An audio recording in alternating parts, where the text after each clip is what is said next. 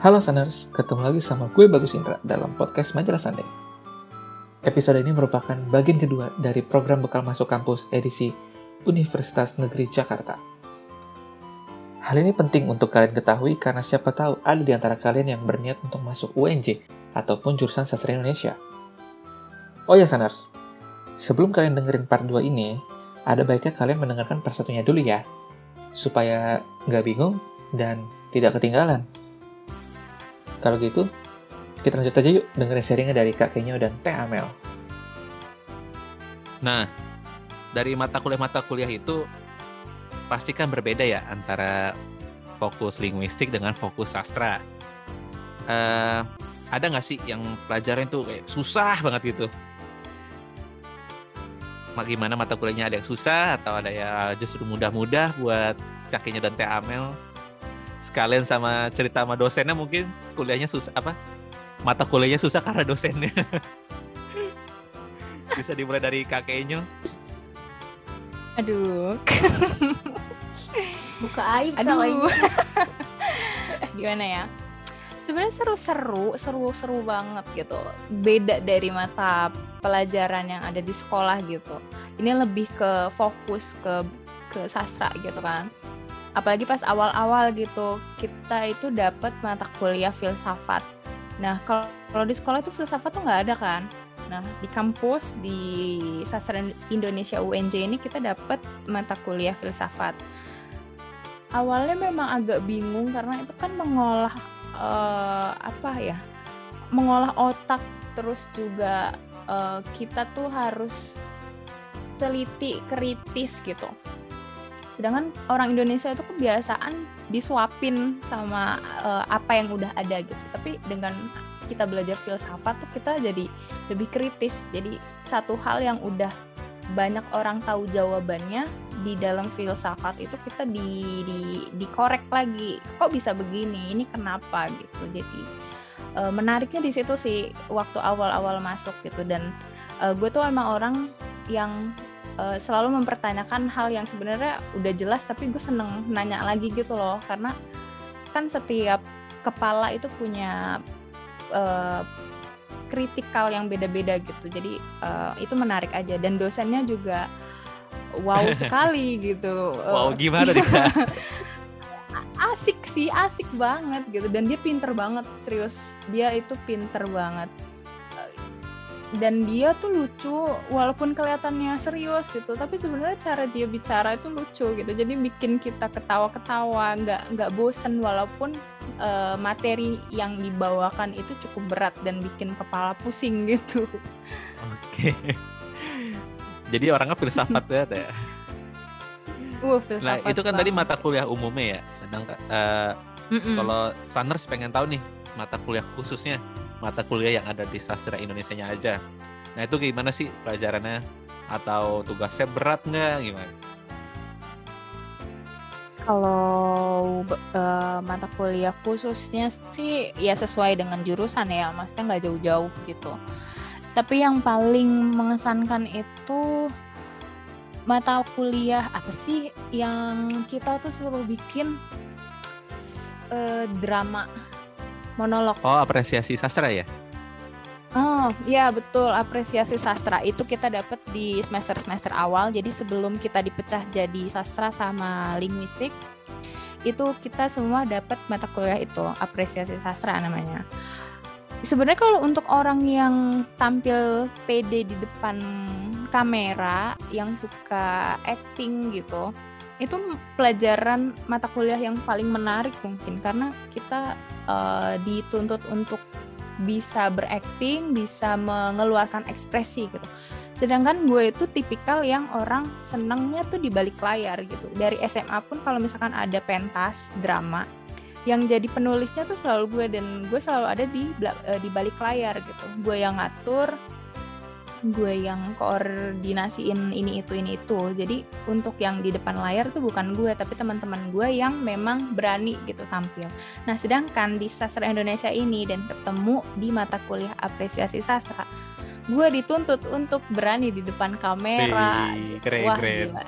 Itu itu pengalaman paling wow apa, itu ya. paling mengesankan juga uh, jadi kita yang awalnya grogi jadi lebih percaya diri gitu. Itu sih yang menurut gue keren bisa membangun kepercayaan diri orang. Walaupun memang dasarnya sifat gue tuh ya introvert ya. Jadi lebih seneng di balik layar aja. Baik kak. Kakeknya emang introvert ya kak? Wah introvert tapi sekali, suaranya ceria ya teman-teman. Gak kelihatan seperti orang introvert. Iya sih kadang karena kita udah kenal kali ya oh Kak iya Bagus benar ya. juga ya Kalau yang belum kenal ya jaim lah gitu. Virgo kan gitu kalau udah kenal wah wah sangat kayaknya terbuka. semua orang seperti itu deh kakeknya Oh masa ya? Nah, makasih kakeknya eh, buat Teh Iya. nih. Pelajaran apa sih yang paling Teh Hamel susahin di fokus sastra? Terus tugasnya kayak gimana tuh di sastra? Eh, kalau di fokus sastra sih ya kan sebelum kita pilih fokus eh, atau peminatannya gitu sama sih sebenarnya kurang lebih kayak kakeknya gitu di awal-awal ada filsafat ada apresiasi sastra gitu. Nah kemudian hal yang paling menarik di fokus sastra itu ada eh, namanya mata kuliah sastra bandingan sama sastra dunia kalau menurut gue sih ya itu yang paling menarik. Eh, kenapa paling menarik? Yang pertama untuk sastra dunia untuk gue yang jadi tuh gue waktu aliyah sama SMP kan sering baca novelnya tuh novel-novel yang di dalam negeri aja gitu Eh, nggak tahu lah gitu siapa karya karya dari luar negeri gitu atau penulis-penulis dari luar negeri. Nah di sastra dunia ini justru gue dikenalin sama eh, penulis-penulis dari luar negeri gitu yang ternyata wah gitu. Karya-karya mereka tuh emang bener-bener the best lah gitu. Itu ya kalau di sastra dunia. Nah kalau yang di sastra bandingan itu kita jadi membandingkan eh, karya sastra gitu karya sastra dengan karya sastra kemudian karya sastra dengan film karya sastra dengan eh, apa lagi ya iklan misalnya gitu. Jadi kita dibandingin di compare kayak gitu. Itu sih yang paling menarik ya dan yang paling lumayan ribet juga ya karena waktu itu gue ada tugas tuh sastra bandingan dan eh, kelompok gue tuh eh, ngambil tugasnya eh, menelaah menelaah atau membandingkan karya sastra sama film gitu yang ternyata hasilnya wah ya di luar dugaan lah gitu ternyata gue juga tercengang-cengang sendiri dan di sana tuh gue kayak pengen bilang gitu loh ke orang-orang yang suka mandang sastra Indonesia tuh cuman belajar novel, cerpen sama puisi enggak, enggak Iya, itu iya. aja gitu. Cakupannya sangat luas gitu, jangkauannya sangat luas. Iya, setuju. Makanya suka kesal sendiri gak sih kalau ada orang yang bilang gitu.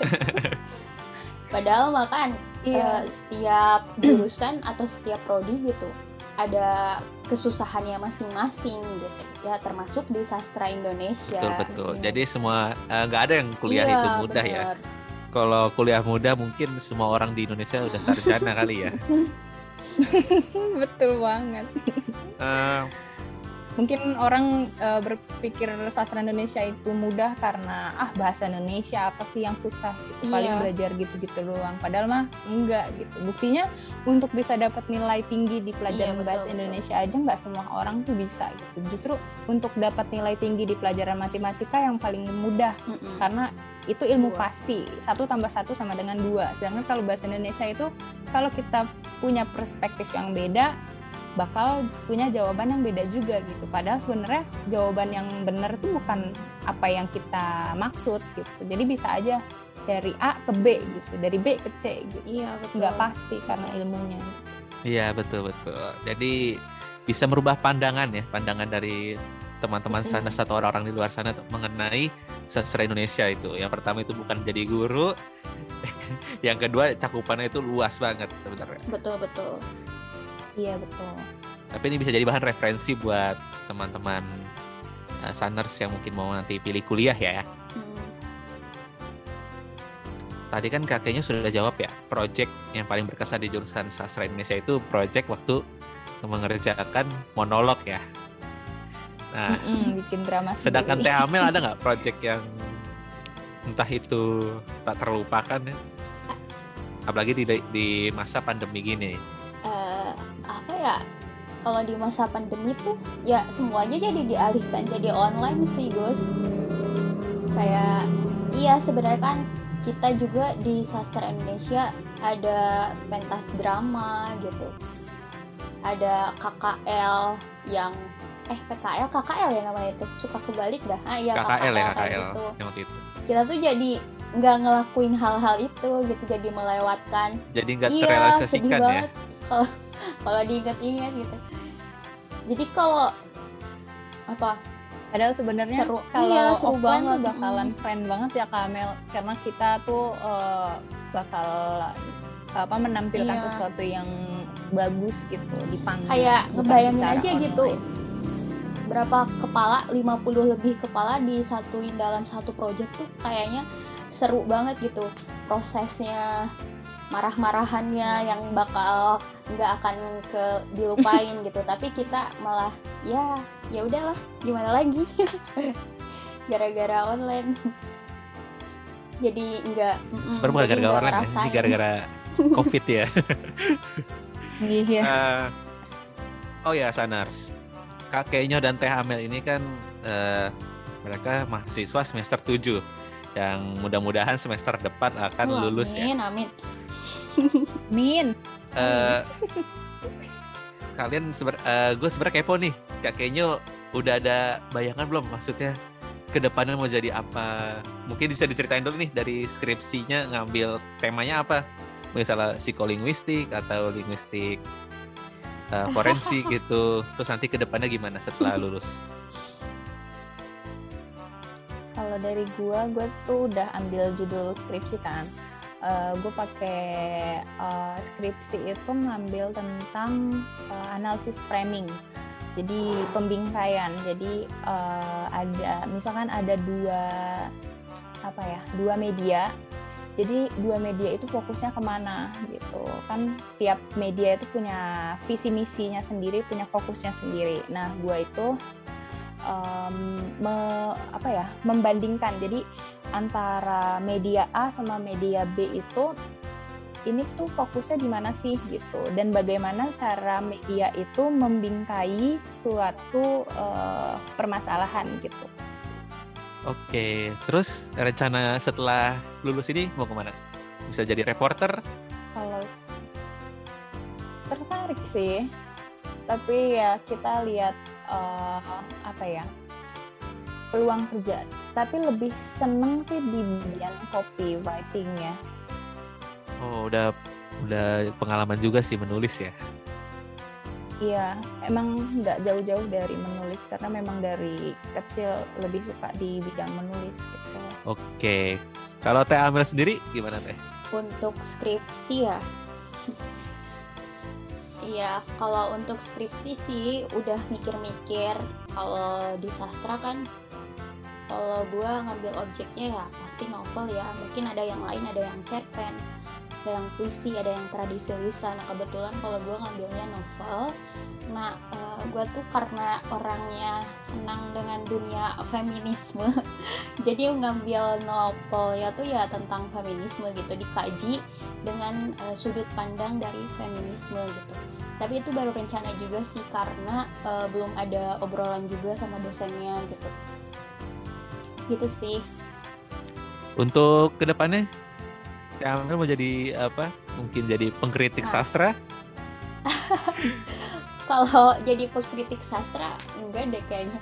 Karena harus banyak teori-teori yang uh, dipahami gitu.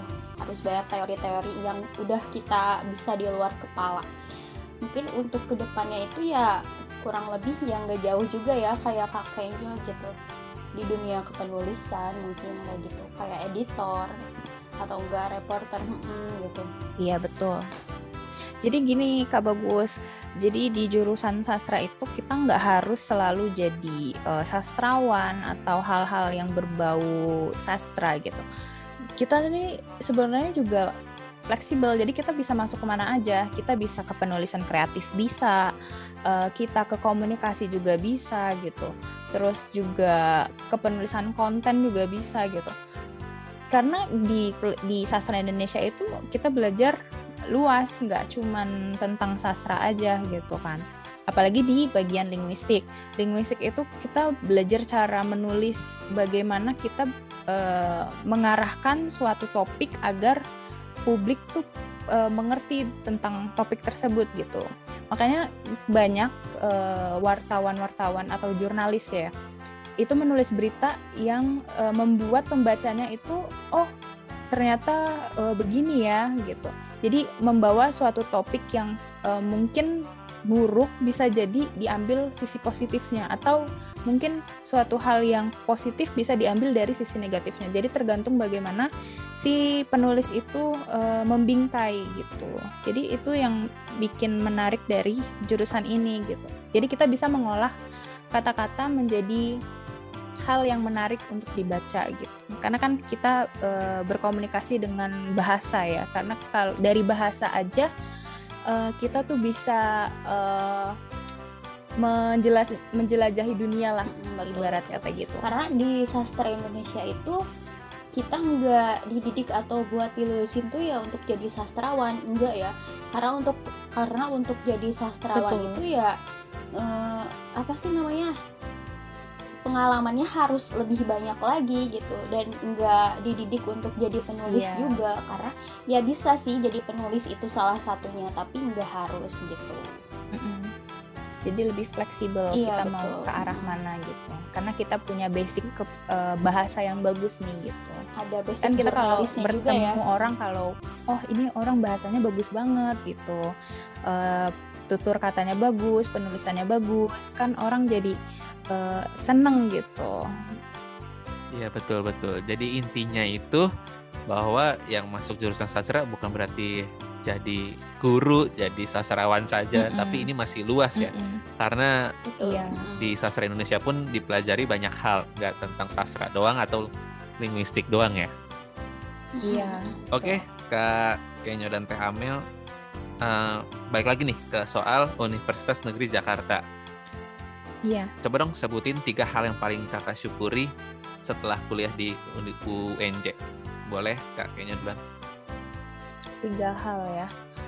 Sebenarnya banyak, cuman kalau tiga hal yang paling disyukuri itu pertama gue jadi lebih uh, bagus dalam hal penulisan. Jadi kalau dulu kita kan sering nulis asal nulis aja gitu tanpa lihat uh, tata bahasanya gitu. Jadi kadang orang baca suka apa sih? gitu. Kalau sekarang tuh jadi lebih tersusun.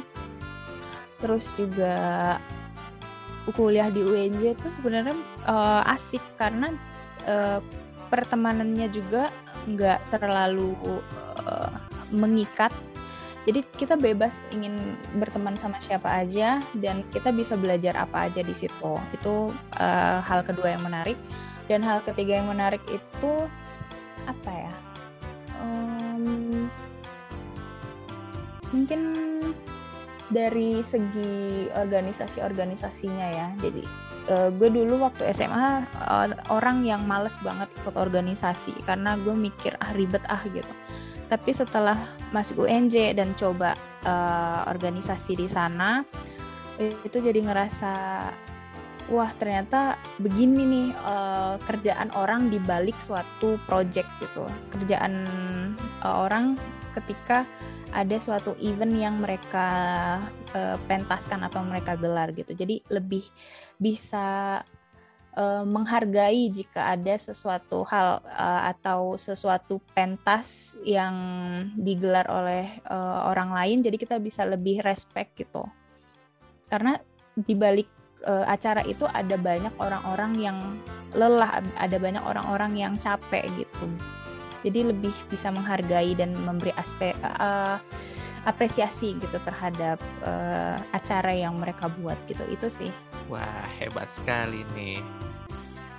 Tiga hal yang dari Kak Kenyo. Kalau dari Teh Amel, tiga hal uh, yang kakak paling syukuri gitu selama kuliah di UNJ gimana?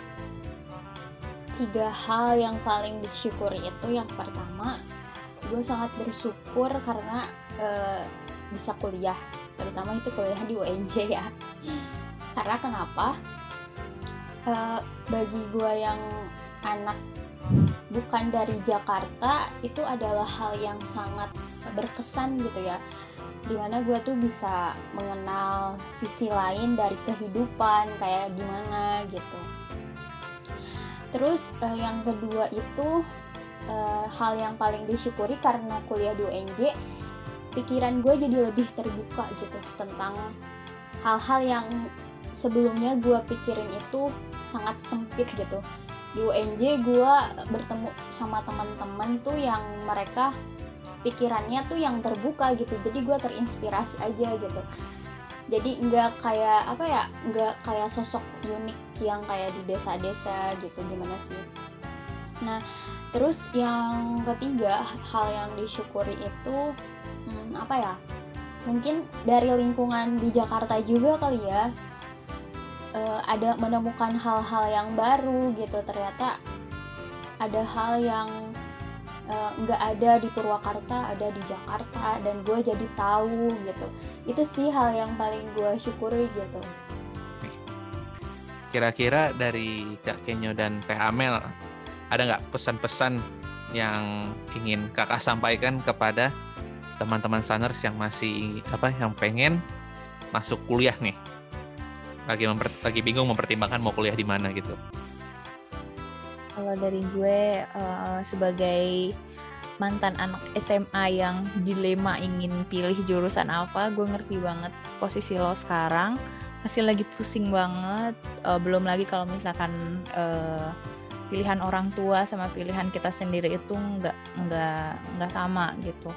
Itu itu berat banget pasti buat menentukan mau pilih jurusan apa. Karena kan uh, gimana pun yang ngejalanin itu kita ya.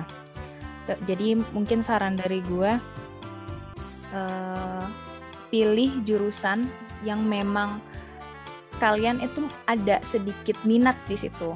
Nggak harus yang kalian uh, apa ya nggak harus yang kalian kuasai banget. Kayak misalkan gue kan emang suka di bidang kepenulisan jadi gue milih masuk sastra Indonesia gitu nah kalau misalkan kalian memang tertarik dengan hal penulisan tapi belum uh, tahu banyak hal nggak apa-apa kita coba aja untuk masuk ke jurusan sastra Indonesia gitu karena uh, orang yang masuk sastra Indonesia itu nggak semuanya uh, kayak gua sama Amel gitu yang memang punya minat di bagian kebahasaan gitu. Ada juga kok yang uh, awalnya masuk tuh nggak tahu apa-apa, tapi lama-lama dia paham bagaimana uh, mempelajari bahasa itu sendiri gitu. Jadi nggak uh, apa-apa untuk mencoba uh, dan tetap yakin dengan diri sendiri kalau apa yang udah kalian pilih tuh udah hal yang paling baik gitu dan satu lagi uh, boleh kalian denger uh, nasihat dari guru atau teman gitu. Tapi balik lagi ke diri kalian masing-masing gitu. Jangan sampai apa yang kalian suka apa yang udah kalian rencanakan dan impikan sebelumnya itu jadi pecah hanya karena uh, saran atau masukan yang diberikan oleh guru dan teman gitu. Karena sebenarnya apalagi teman ya teman itu ibarat kata walaupun mereka baik menolong kalian memberi support kalian tapi posisinya kalau di kelas 3 apalagi di bagian akhir itu kalian saling berjuang untuk bisa masuk ke uh, universitas negeri gitu jadi eh, ibarat kata kalian itu sebenarnya uh, rival gitu. Tapi uh, ini bukan hal yang negatif. It, itu jadikan uh, motivasi kalian aja untuk bisa lebih fokus sama tujuan kalian itu mau ke mana gitu. Gitu aja sih. Karena kan biasanya kalau orang yang lagi stres, yang lagi banyak pikiran tentang mau pilih jurusan apa ini itu suka suka ke distract, suka suka uh, tiba-tiba jadi blank gue tuh mau ke mana sih jadi gitu jadi jangan sampai kehilangan fokus aja sama tujuan awal itu sih jadi balik lagi ke diri sendiri gitu ya? Mm-mm. percaya aja sama diri sendiri dan bakat minatnya itu di mana. Karena empat tahun loh yang ambil S1 ya. Karena empat tahun itu waktu yang cukup lama apalagi uh, dengan jurusan yang kalau misalkan kalian terpaksa itu bakal berat banget di bagian skripsinya nanti itu. Wah jangan sampai deh. Ya jangan sampai ya teman-teman salah jurusan gitu ya. Oke hmm. untuk Teh Amel pesan untuk teman-teman Saners yang ingin masuk kuliah nanti Iya, uh, ini nambahin aja ya dari Kak Kenyok. Selain kita harus balik lagi ke diri sendiri, terus kenal minat dan bakat. Nah, untuk teman-teman yang mau kuliah, kuliah itu poin utamanya kita mencari ilmu ya teman-teman. Jadi kalian mau uh, kuliah di mana pun juga, uh, itu nggak apa-apa gitu mau di negeri mau di swasta gitu. Karena yang menentukan kualitas uh, kita itu ya diri kita sendiri bukan tempat uh, di mana kita belajarnya. Karena uh, bisa aja gitu kalau misalnya kualitas kitanya sangat tinggi sangat besar tapi kita ditempatinnya di tempat yang misalnya uh, mohon maaf gitu agak gimana gitu ya potensi kita bakal kegali kita bisa bisa berkembang gitu. Karena yang menentukan potensi diri kita sendiri itu bukan tempat tapi diri kita sendiri gitu. Itu aja sih tambahannya. Wah pesan yang sangat berguna nih bagi teman-teman Saners yang ingin masuk kuliah. Oke Saners barusan kita udah dengerin bekal masuk kampus edisi bulan bahasa dari Kak Melnadi dan Kak Kenyo Thank you banget nih Kak Melani dan Kak Kenyo ya. Iya, sama-sama. Iya, sama-sama. Nah, gue excited banget dengerinnya. Apalagi nanti nggak sabar pengen dengerin pas sudah hasil jadinya. Iya, sama gue juga uh, seneng banget bisa sharing pengalaman kepada teman-teman yang uh, akan masuk kuliah gitu. Semangat ya buat kalian. Semangat. Fighting. Ya, terima kasih. Semoga dengan informasi dari Kak Kenyo dan Teh Amel bisa merubah pandangan teman-teman di luar sana mengenai sastra Indonesia. Oh ya, jangan lupa untuk share podcast ini ke teman, saudara, ataupun atau siapa pun itu ya, agar podcast ini bisa, bisa bermanfaat bagi orang banyak dan cek juga majalah sunday.com atau cari kita di Instagram at atau TikTok majalah sunday. Gue bagus, sampai ketemu di bekal masuk kampus selanjutnya. Bye-bye, see you, ciao.